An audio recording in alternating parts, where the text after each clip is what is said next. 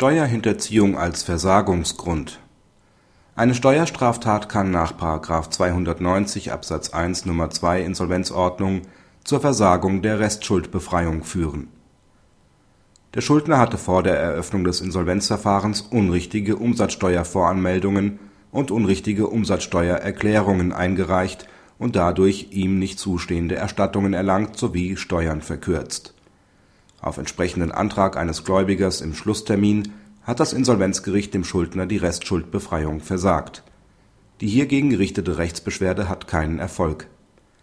Gemäß § 290 Absatz 1 Nr. 2 Insolvenzordnung ist die Restschuldbefreiung zu versagen, wenn der Schuldner in den letzten drei Jahren vor dem Antrag auf Eröffnung oder danach vorsätzlich oder grob fahrlässig schriftlich unrichtige oder unvollständige Angaben über seine wirtschaftlichen Verhältnisse gemacht hat, um einen Kredit zu erhalten, Leistungen aus öffentlichen Mitteln zu beziehen oder Zahlungen an öffentliche Kassen zu vermeiden.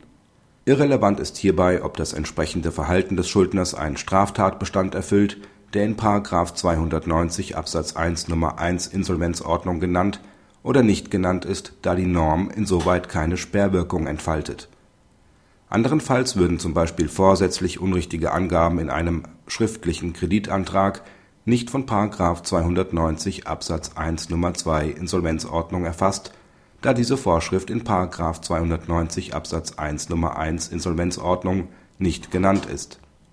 Ein Steuerstraftatbestand erlaubt keine andere Bewertung. Bereits die amtliche Begründung des Regierungsentwurfs einer Insolvenzordnung vom 15.04.1992 führt unrichtige Angaben zur Vermeidung von Steuerzahlungen als Fall des § 290 Absatz 1 Nr. 2 Insolvenzordnung an. Praxishinweis Die Entscheidung ist richtig.